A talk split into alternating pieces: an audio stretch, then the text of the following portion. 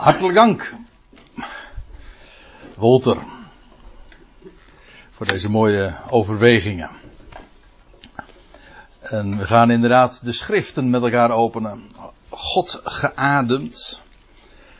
En dat maakt deze woorden trouwens ook tot een levend woord. God ademde, hij blies de levensadem in de mens en alzo werd de mens een levende ziel. Dat geldt voor de schriften ook. Hij heeft ze geademd en het is levend en daarmee ook krachtig woord. Wij gaan ons opnieuw bezighouden. Het is wat later geworden met excuses overigens nog. Maar ja, normaal gesproken zijn we hier uh, vijf over half acht ongeveer.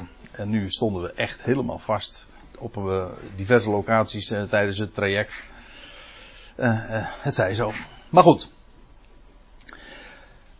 Weet u trouwens, nog even iets inleidends. We hebben het in de auto nog even overwogen, Menno en ik, dat het vanavond zojuist de 14e Nissan is geworden. De Hebreeuwse kalender is het de 14e Nisan. Dat is een hele bijzondere datum omdat het de dag is van het Pascha. En dan zeggen wij met Paulus, ook ons Pascha is geslacht.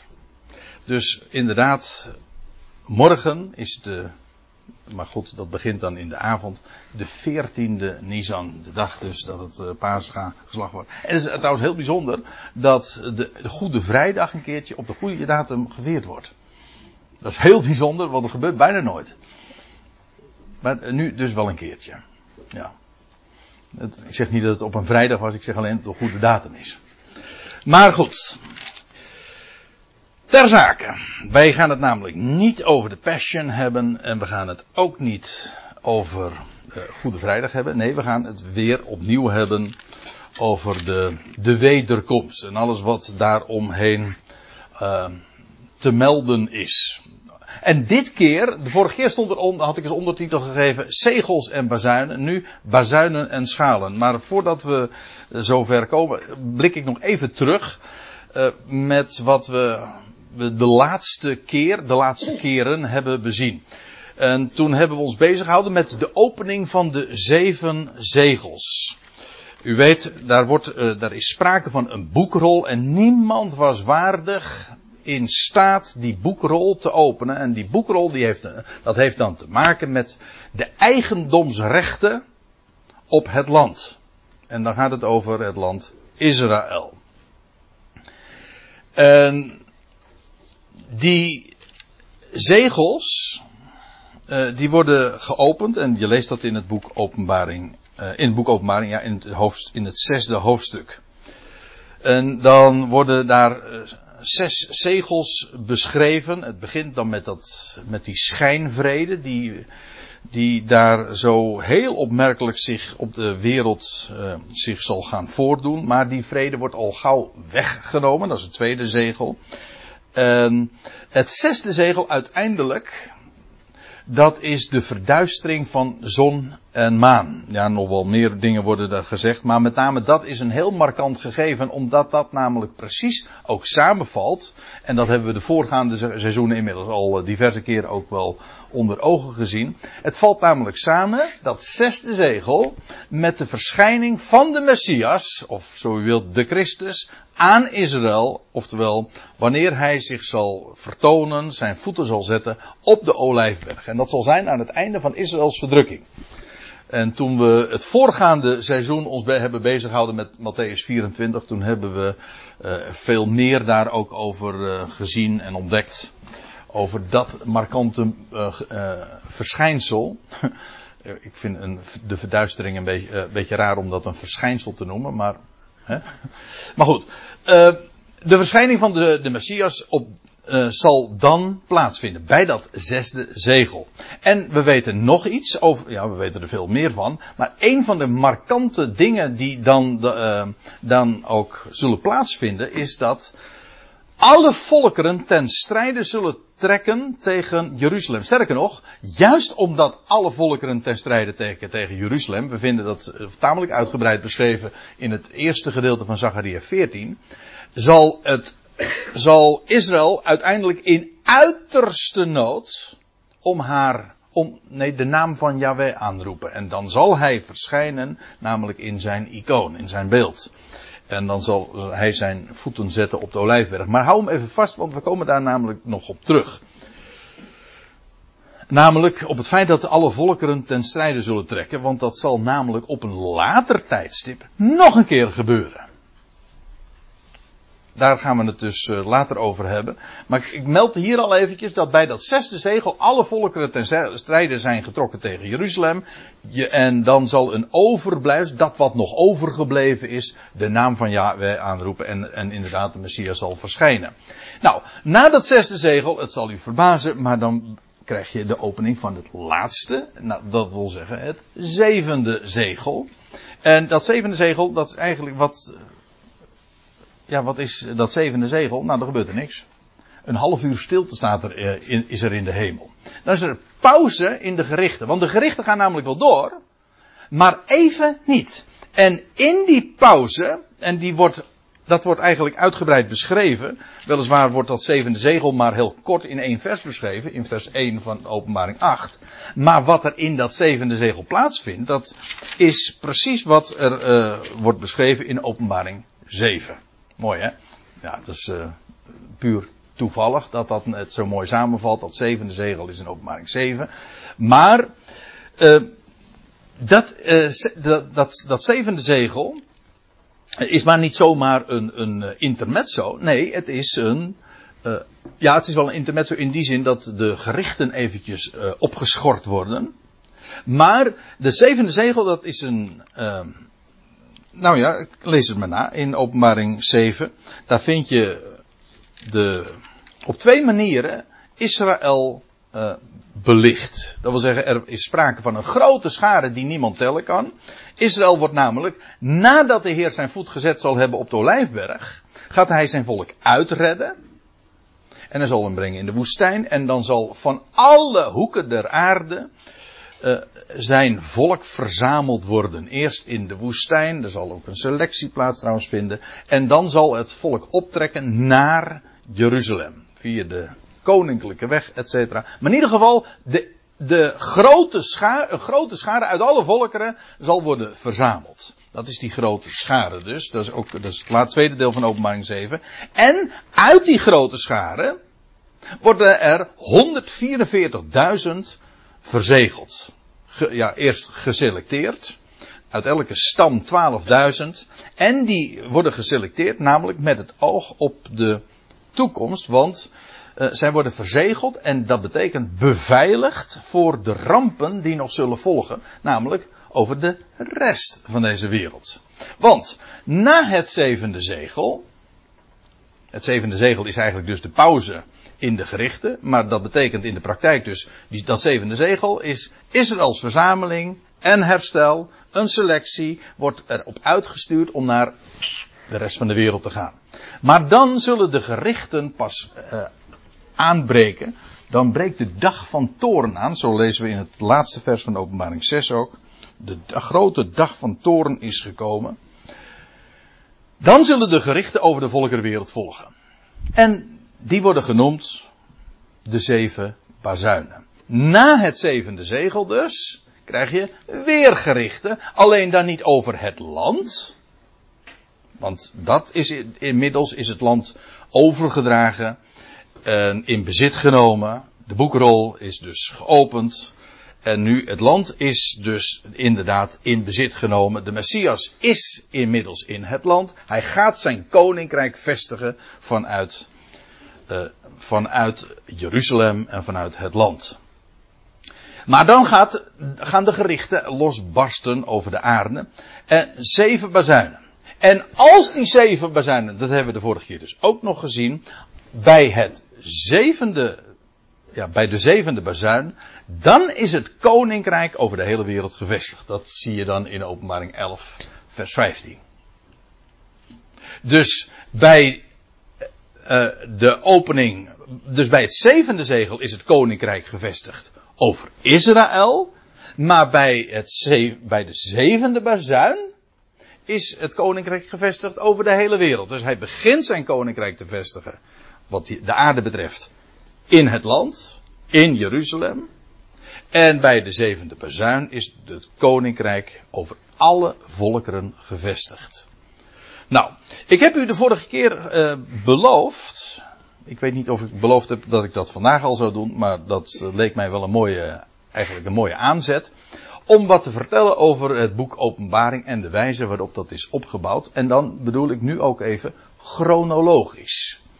En eh, tot mijn eigen verbazing is het zo mooi chronologisch allemaal opgezet. Ja, ik zeg tot mijn eigen verbazing. Dat wil zeggen nog veel mooier dan dat ik eigenlijk in aanvang vermoed had.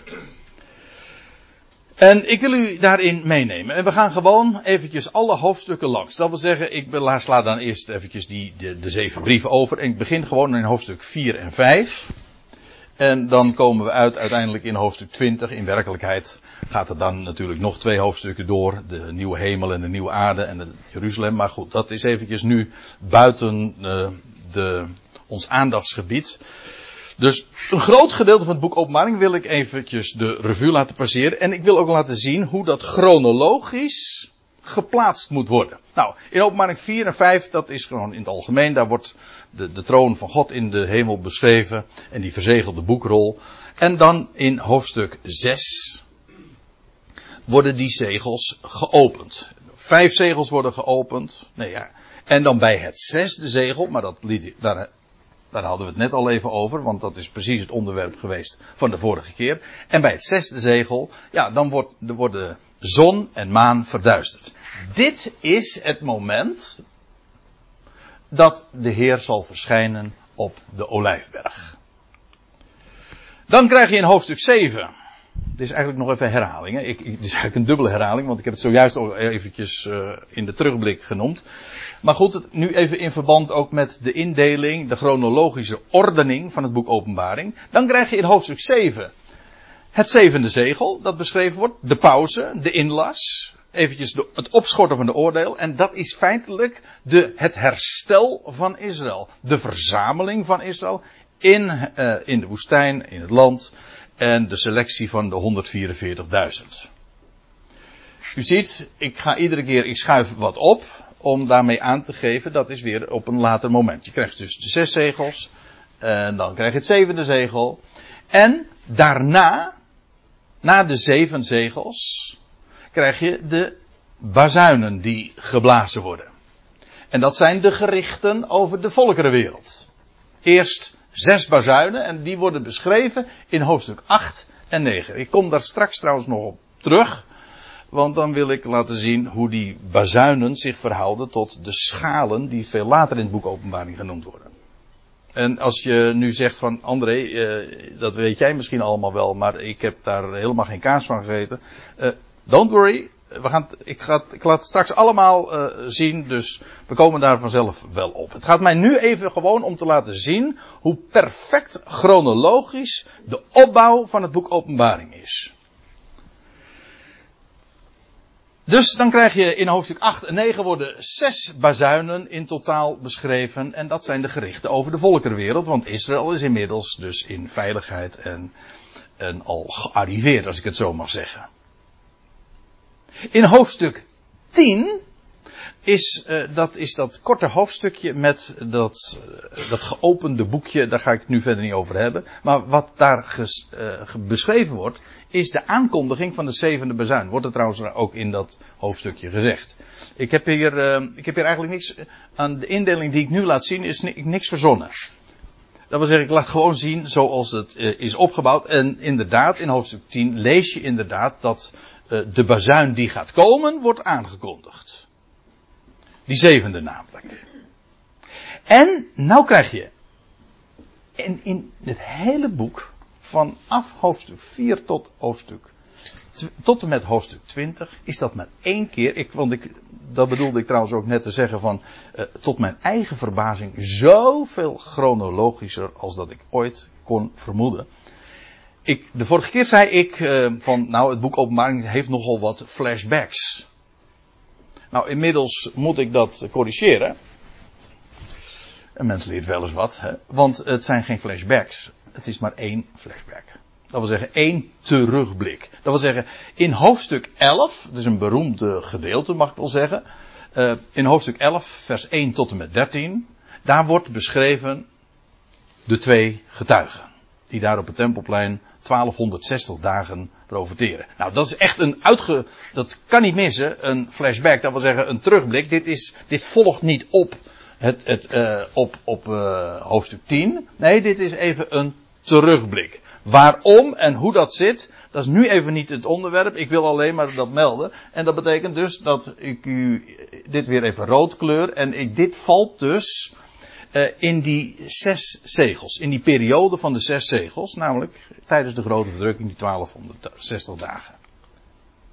En dan in het slot van hoofdstuk 11, dan gaan we gewoon weer verder. Dit is dus even een, ja, in de chronologische opbouw een, een intermezzo. Maar in de, dan krijg je vervolgens in het slot van hoofdstuk 11, daar hebben we de vorige keer trouwens ook aandacht aan gegeven. Dat is de zevende bezuin.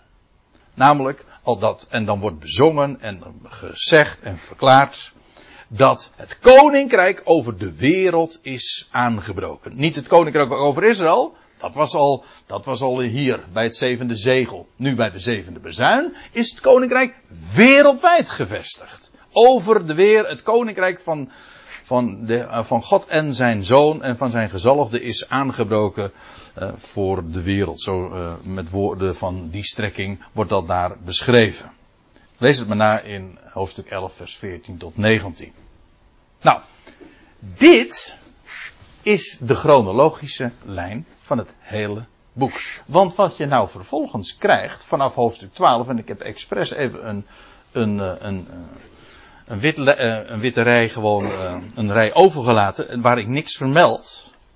Want dit zijn de twee delen. Hoofdstuk 4 tot en met 11 en hoofdstuk 12 tot en met 20.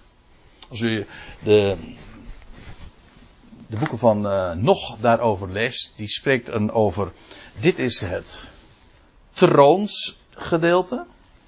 En hij zegt, dit is het tempelgedeelte.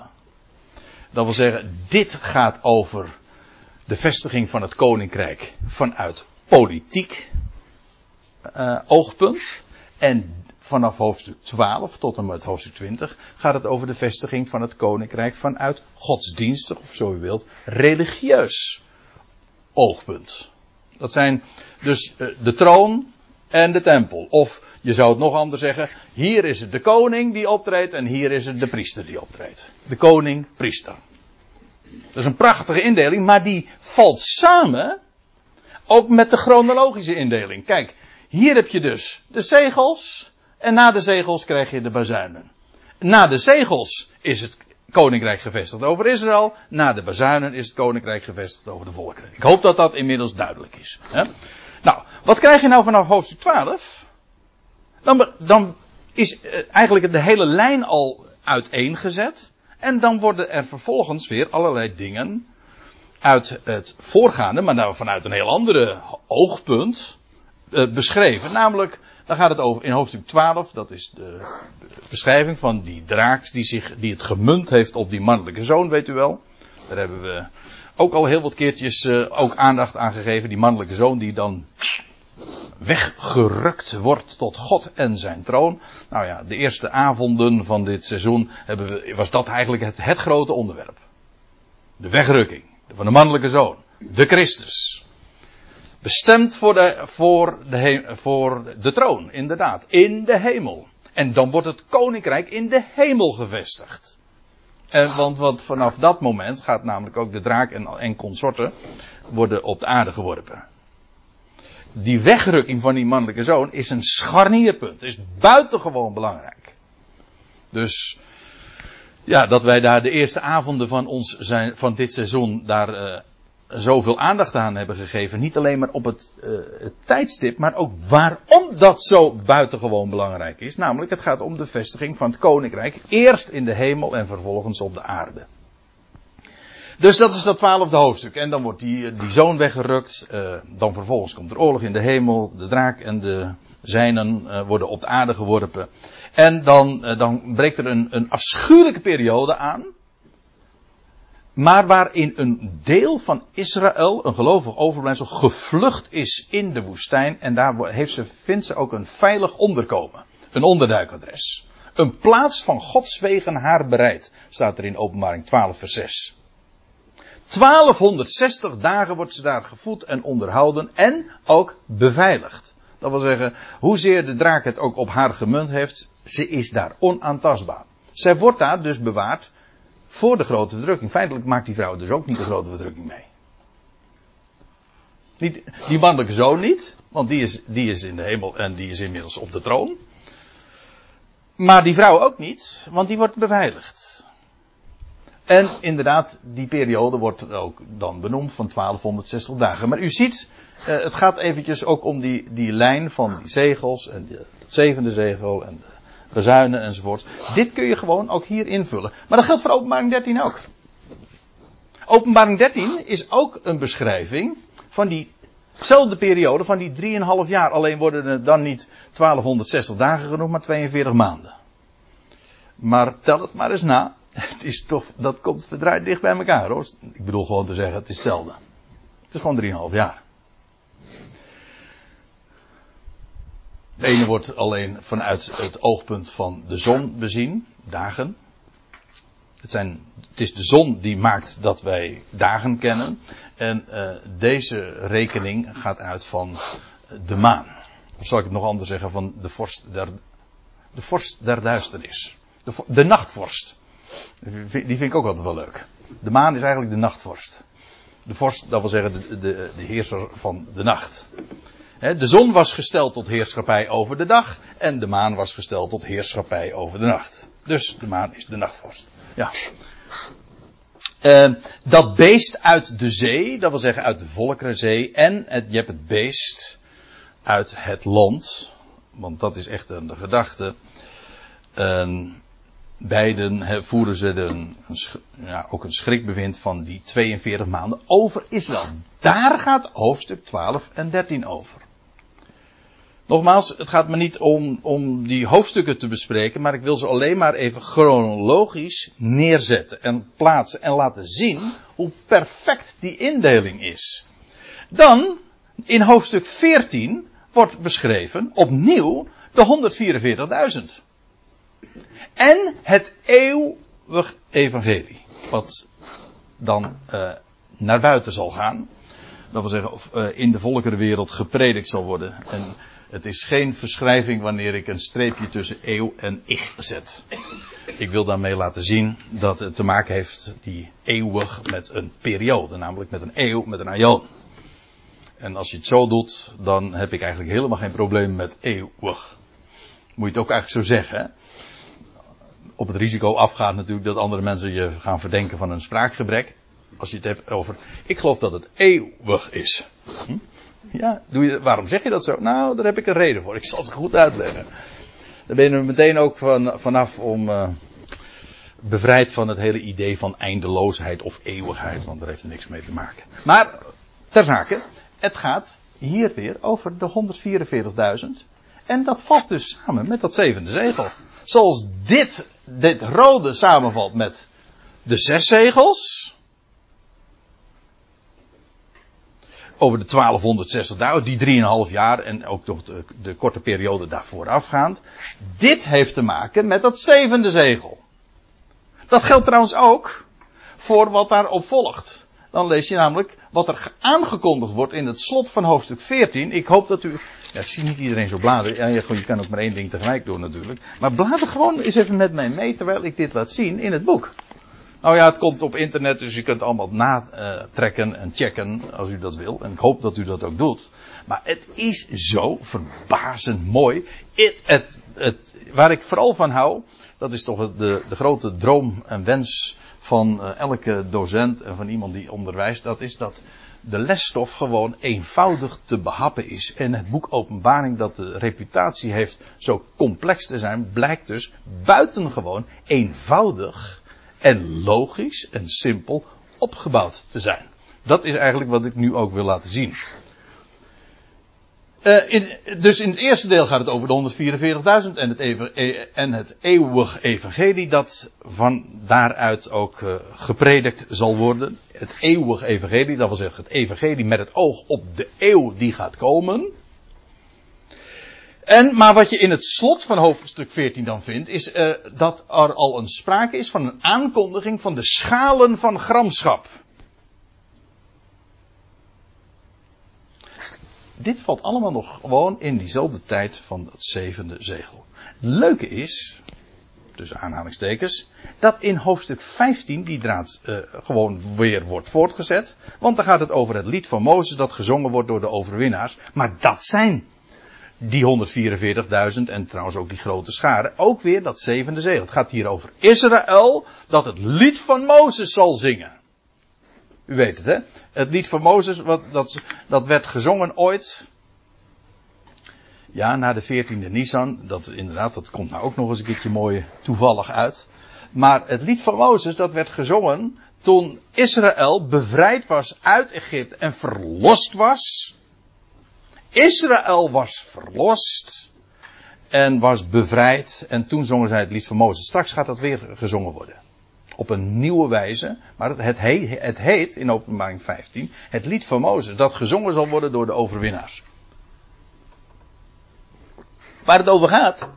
Is over een, een, een, een, een verlost en hersteld Israël. En het slot van openbaring 15. Dit was het eerste deel van openbaring 15. Het slot van openbaring 15. Dat is een aankondiging van de schalen van de gramschap. Maar als u goed oplet, dan ziet u dat het slot van openbaring 14 dat ook was. Zodat je die hier ziet. Dit is gewoon ook weer. Dit zijn hoofdstuk 14 en 15 verloopt parallel. Dat wil zeggen de 144.000 en het evangelie.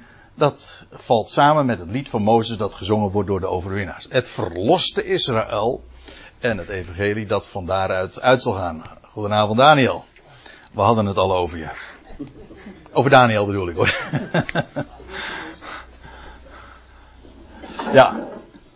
En uh, dat is dus allemaal, hoofdstuk 14 en 15 valt allemaal in te delen in dat zevende zegel. Chronologisch valt dat gewoon daarmee dus samen. Zodat je dus in dat eerste deel krijg je een chronologische opbouw van de zegels en de bezuinen.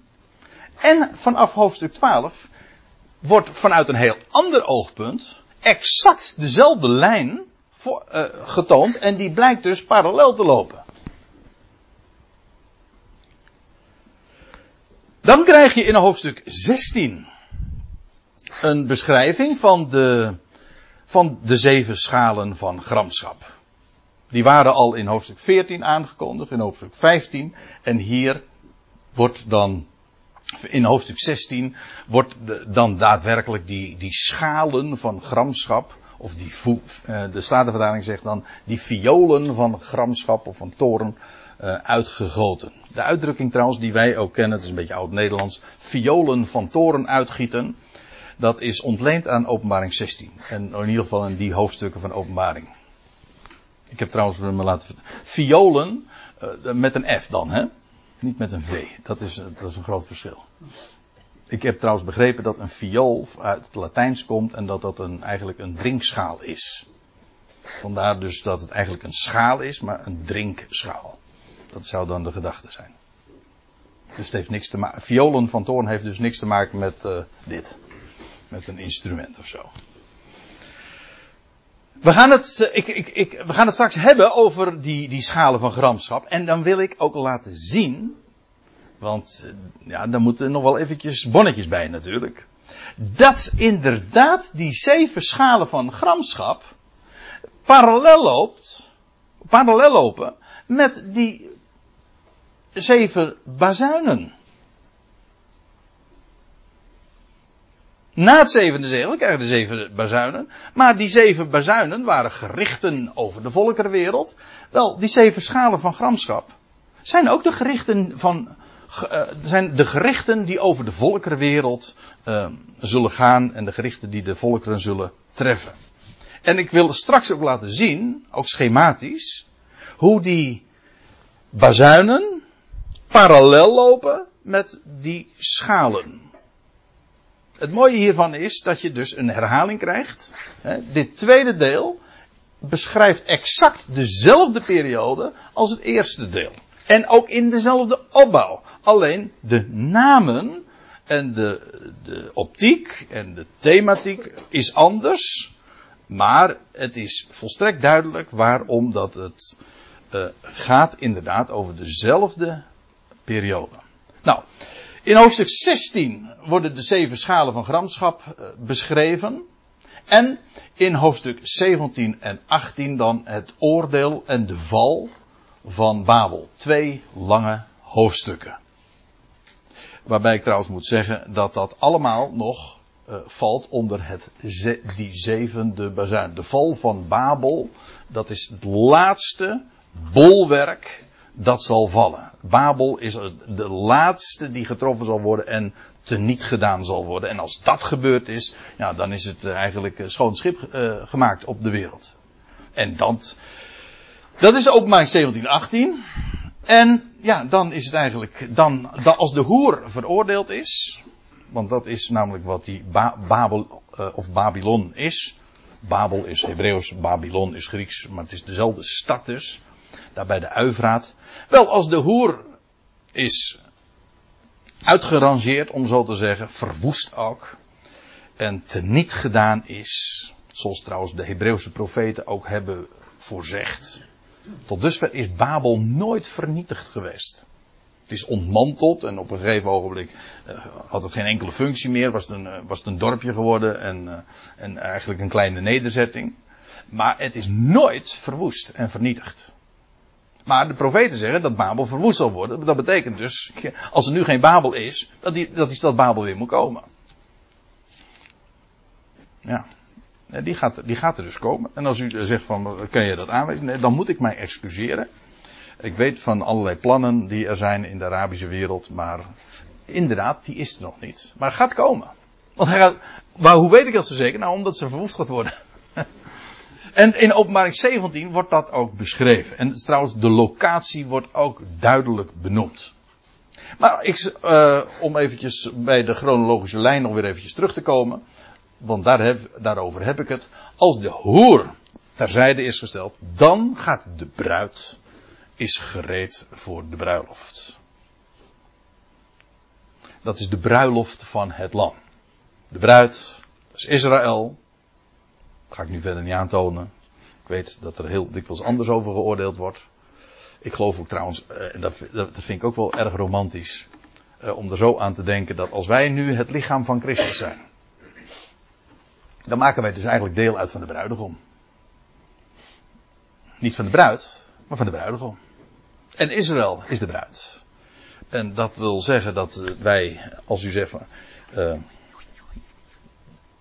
in die zin hebben wij dus wel degelijk ook straks deel aan die bruiloft van het lam. Maar niet als zijnde de bruid, maar als onderdeel van, als ik het zo raar mag zeggen, in ieder geval als zijnde het lichaam van de bruidegom. Afijn, uh, de bruiloft gaat dan beginnen. U weet welke dag dat uh, dan is, hè?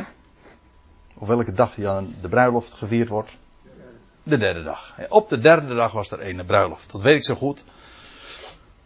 Omdat ik zelf ooit op een derde dag uh, getrouwd ben. Dat was 21 april, dat was derde paasdag trouwens toen. 1992. En toen stond op ons trouwkaart. Op de derde dag was er één bruiloft. Daar was over nagedacht, kan ik u vertellen. 26 jaar geleden. Maar in ieder geval de derde dag. Ja, dat is de dag van de bruiloft. En de, wat dacht je wat? Een dag is duizend jaren. En dat is dus. De duizend jaren is eigenlijk niks anders dan een bruiloft. De bruidegom en de bruid die hun vereniging vieren. En al die volkeren zijn daar de gasten. En die zullen die dag beleven. En. Ja, dan zijn ook alle naties onderworpen. Het, uh, eerst in openbaring 19 vind je dan die bruiloft van het lam. En in het slot van openbaring 19 lees je dan dat alle naties worden onderworpen. Maar ziet u ook hier weer, die zeven schalen vallen samen met de zeven bazuinen. En vervolgens dit, dat bruine, die bruid, die bruid die gereed is, alle naties onderworpen, dat valt samen met de zevende bazuin. En dan, wat er dan gebeurt. En dat is openbaring 20. Dat is de beschrijving van de duizend jaren. Dat is dus nog weer later. Dat is dus na de zevende bezuin. Wanneer de Satan gebonden zal zijn en de volkeren zullen delen in de geweldige heerschappij van, van Christus en de zijnen. Nou, met deze opbouw en deze lijnen heb, heb ik u denk ik gewoon even heel kort in 10 minuten, wat is het, kwartier of zo, nee, 20 minuten of zo, heb ik u laten zien hoe het boek, het hele boek Openbaring, van hoofdstuk 4 tot en met 20, chronologisch opgebouwd. Het valt uit in twee delen. En die twee delen, het troonsgedeelte, het tempelgedeelte, het koningsgedeelte of het priesterlijke gedeelte, lopen volmaakt parallel. En keurig opgebouwd. Eerst de onderwerping van Israël, vervolgens het herstel van, uh, van Israël en uh, het, het, koninkrijk dat dan wereldwijd baanbreekt en gevestigd zal worden. Wel, dat is waar het boek Openbaring over gaat en beschrijft. Keurig, ordelijk, met dit, eh, deze momenten die ik hier vet gedrukt heb, eigenlijk als de grote mijlpalen. De verschijning op de Olijfberg, vervolgens het herstel van Israël, de gerichten over de volkerenwereld en uiteindelijk dat het koninkrijk wereldwijd gevestigd wordt en vervolgens in de duizend jaren uh, geconsumeerd wordt. Om even in bruiloftstermen te spreken.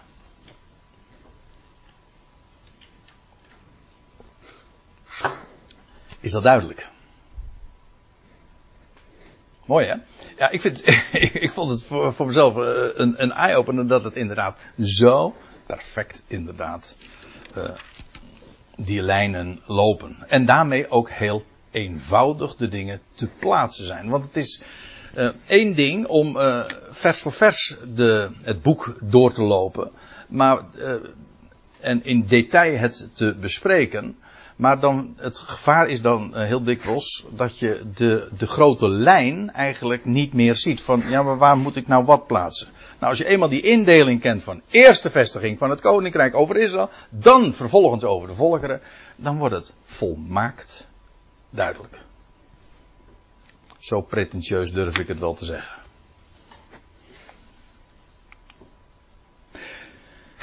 Ons staat nog iets anders te doen. En ik zit nu even te aarzelen. Nog even doorgaan. Ja, oké. Okay. Ja, want we zijn erg laat uh, natuurlijk uh, begonnen. Dus, uh, de vergelijking tussen, ik had het al even over, en ik kondigde het ook aan, de vergelijking tussen de zeven bazuinen, zoals beschreven in hoofdstuk 8 tot en met 11, met de zeven schalen, die allemaal beschreven worden in hoofdstuk 16. Want ik beweerde dat die bazuinen en die schalen synchroon lopen. Dat dat gewoon twee verschillende belichtingen zijn, maar van, het zel, van dezelfde fasen uh, die dan worden beschreven. Maar ik wil het ook laten, dat, dat wil ik niet alleen, maar dat moet ik ook laten zien als ik het beweer. Kijk, ik heb nu wel de logica ervan laten zien, hè, omdat het namelijk volledig past. Maar het is niet genoeg. Ik denk dat er meer nodig is om dat ook echt hard te maken. En dat zeg ik ook, omdat het namelijk zo gemakkelijk hard te maken is. Ga met mij mee. Nou ja, hier heb je dus, in deze kolom wil ik beschrijven de zeven bazuinen. En in deze kolom ga ik beschrijven uh, wat er zo kortweg, even samenvattend, uh, plaatsvindt bij die zeven schalen of violen van gramschap, van toren. God die zijn toren uit. Het is de dag van toren. Toren, iemand zei van de week, wie het was weet ik niet meer. Ik meen dat jij het was, Menno. Dat, het, uh, dat Gods, als God torent en oordeelt, dat is vreemd werk voor hem. Ja, ja, was het. Hè? Ja, dat is vreemd. Dat wil zeggen, hij doet dat maar het is noodzakelijk kwaad. Het moet soms. Hij wil zijn liefde bewijzen. Vandaar ook dat je leest, een ogenblik duurt zijn toorn, maar een leven lang zijn goede tierenheid. Dus hoe verhoudt God storend zich, als ik het nou even theologisch zeg, God storend zich tot zijn goede tierenheid? Nou, als een ogenblik tot een lang leven. Zo. Dat is de verhouding. En dat is buitengewoon belangrijk om dat te zien. Een idee van een eindeloze toren bestaat niet. Dat is een, uh, dat, maar dat, uh, ik denk dat ik dat in dit gezelschap niet meer hoef uit te leggen. Als, als, dat, als ik dat wel zou moeten uitleggen, dan, uh, dan zou ik het niet over dit onderwerp willen hebben trouwens. Dan zou ik eerst zeggen van nou moeten we geloof ik eerst eens beginnen bij, bij het ABC. Trouwens, wat opmerkelijk al is, bij die, het zijn zeven bazuinen, zeven schalen, maar ook dan in beide gevallen, die bazuinen worden geblazen door zeven engelen. Zeven boodschappers, zo u wilt. En dat geldt voor die zeven schalen ook. Ik zei al, die uh, schalen vind je allemaal in hoofdstuk 16 en ik vermeld hier gewoon de versnummers. En hier vermeld ik ook de hoofdstukken en de versnummers. Beschreven in hoofdstuk 8, hoofdstuk 9, en in hoofdstuk 11. En nou zie ik dat ik, hier staat 1, maar hier moet een 11 staan trouwens. Dat is een foutje. En die zeven engelen, die zeven geest, eh, ja, die zeven geesten spelen een grote rol vanaf het begin van het boek al. Dan lees je al over die is en die was en die komen zal. En, en van de zeven geesten, ik, ik hoor het de, onze dominee nog zeggen, die, bij, bij zijn fotum en de groet, dan zei hij, dan uh, sprak hij die woorden uit openbaring 1. Genade zij u en vrede van God onze Vader. En dan staat er, en van, nou moet ik het even goed zeggen hoor. Ja, dat is al een tijd geleden dat ik die dominee hoorde, dus. Ja, even, uh, ja, oh ja, die was zo'n machtig malicieus bericht. Genade zij u en vrede van hem die is en die was en die komt. En van de zeven geesten die voor zijn troon zijn. En van Jezus Christus, de getrouwe getuige, de eerstgeborene der doden. En de overste van de koningen der aarde. Nou ja, enzovoort. Dat, dat gedeelte bedoel ik. Maar de zeven geesten die voor zijn troon zijn. Dat zijn die zeven geesten, die zeven engelen, die zeven hemelse boodschappers. Die en de bezuinen blazen en die, grams, en die schalen ook uitgieten. Maar dat zijn, maar dat is juist wat ik nu ook wil laten zien. Dat is, dat zijn twee wijzen van beschrijvingen. Maar het gaat over dezelfde reeks van gebeurtenissen of de reeks van perioden die worden verhaald. Nou, ik waarschuw u, ik ga geen uitgebreide beschrijving geven dus over die, die bazuinen en die schalen. Wat, dat, wat die oordelen en die gerichten inhouden. Die zijn buitengewoon ernstig. Ik schreef vanmorgen in de aankondiging op het, het EH koffiehoekje op Facebook al eventjes uh, ja, de onderwerpen waar we het over hebben, over die bazuinen en die schalen. Dat is nou niet een gezellig onderwerp. Nee, maar het is wel buitengewoon reëel en ook zeer aanstaande. En het gaat gebeuren. Als God grote schoonmaak gaat houden, die dag van toren. U weet het, het was een dag van toren en een jaar van welwagen. Zo, dat is, nog een andere verhouding. Wat ik zojuist trouwens zei over een ogenblik, een toren en een leven lang zijn goede tierenheid staat in Psalm 30. En die dag van toren en een jaar van welbehagen, dat is ontleend aan Jezaja. Jezaja 60. Nee. 62. Nou, zoeken we op. In ieder geval, uh, wat je dan beschreven vindt in die, bij die eerste bazuin, is dat er, dat er hagel en vuur zal, uh, zich zal voordoen. En een derde, dat is een telkens weerkerend refrein in, uh, dat, in verband met die bazuinen. Een derde van de aarde en van de vegetatie op, op die aarde uh, verbrandt. Daar moet ook nog een erretje tussen, zie ik.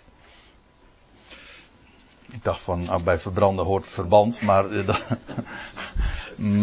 Maar zo diep had ik er niet over nagedacht. Nee. nee. Uh, de, ja, de vegetatie die. Wat? Oh, ja. Ja, dankjewel. Oh ja, er is nog werk aan de winkel zeggen. Ja. Uh, Maar in ieder geval, ja, waarom een derde? Is dat een specifiek deel van de aarde? Dat is een heel interessante vraag. Of gaat het juist om die een derde? En, trouwens, als het een specifiek deel is, welk deel dan van de aarde? Moeten we dan denken aan het westen? Aan de na-christelijke uh, volkeren? Ja, ik opper het even als vraag. Ik wil, ik wil bij een, nou, of dit seizoen uh, er nog aan toekomen, weet ik niet. Maar het lijkt me wel erg boeiend om daar nog eens een keertje dieper op in te gaan. Maar in ieder geval, eh, het gaat mij nu eventjes om de, om de parallelie. De, hoe die zeer die dingen overeenkomt. De aarde wordt getroffen. Want als je die, die, die eerste schaal, die wordt leeg gegoten. Dan wordt inderdaad ook weer de aarde getroffen.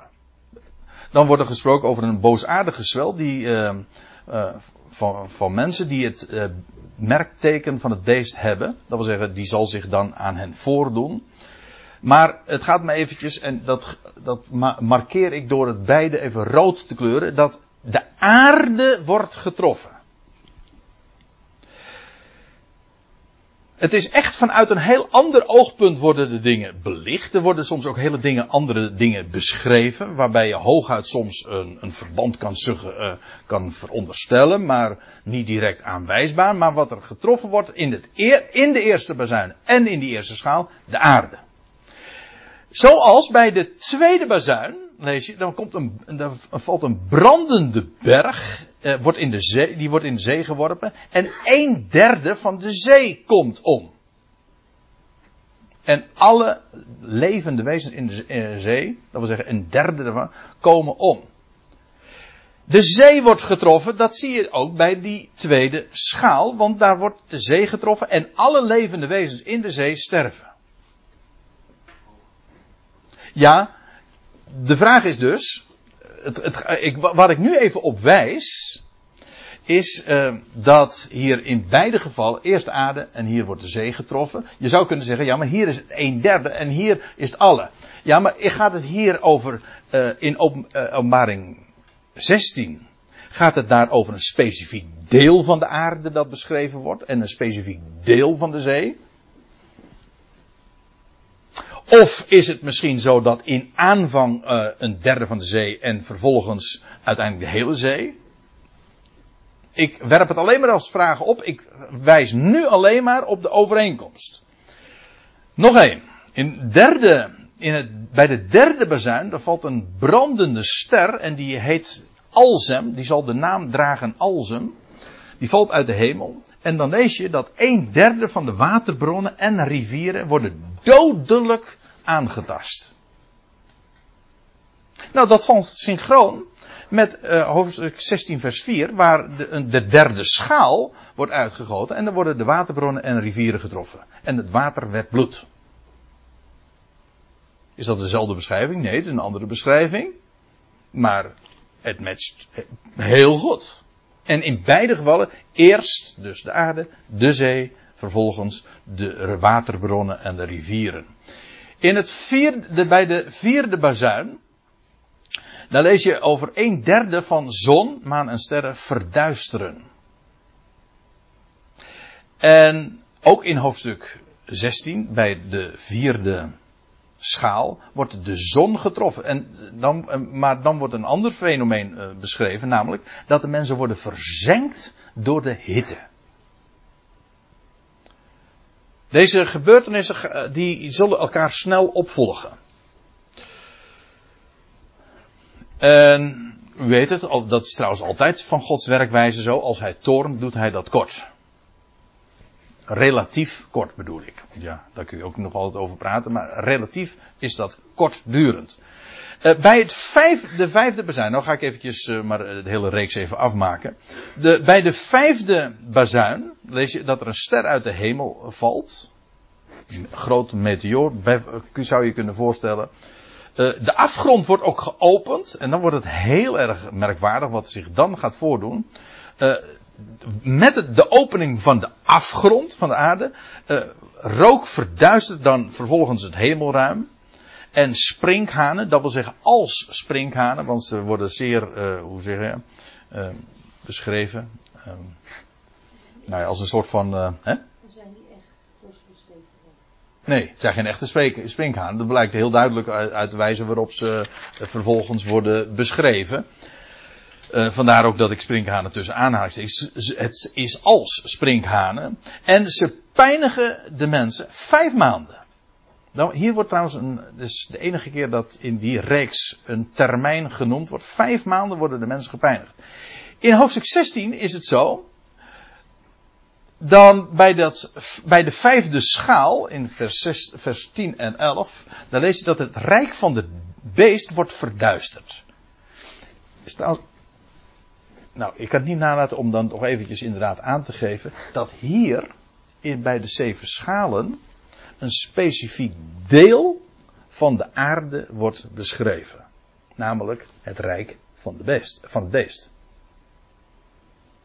En dat dat ook wellicht verklaart dat een derde van de aarde en van de zee. Nogmaals, ik wil dat niet verder uh, uitwerken, maar uh, ik, geef even, ik doe een suggestie van hand, zeg maar.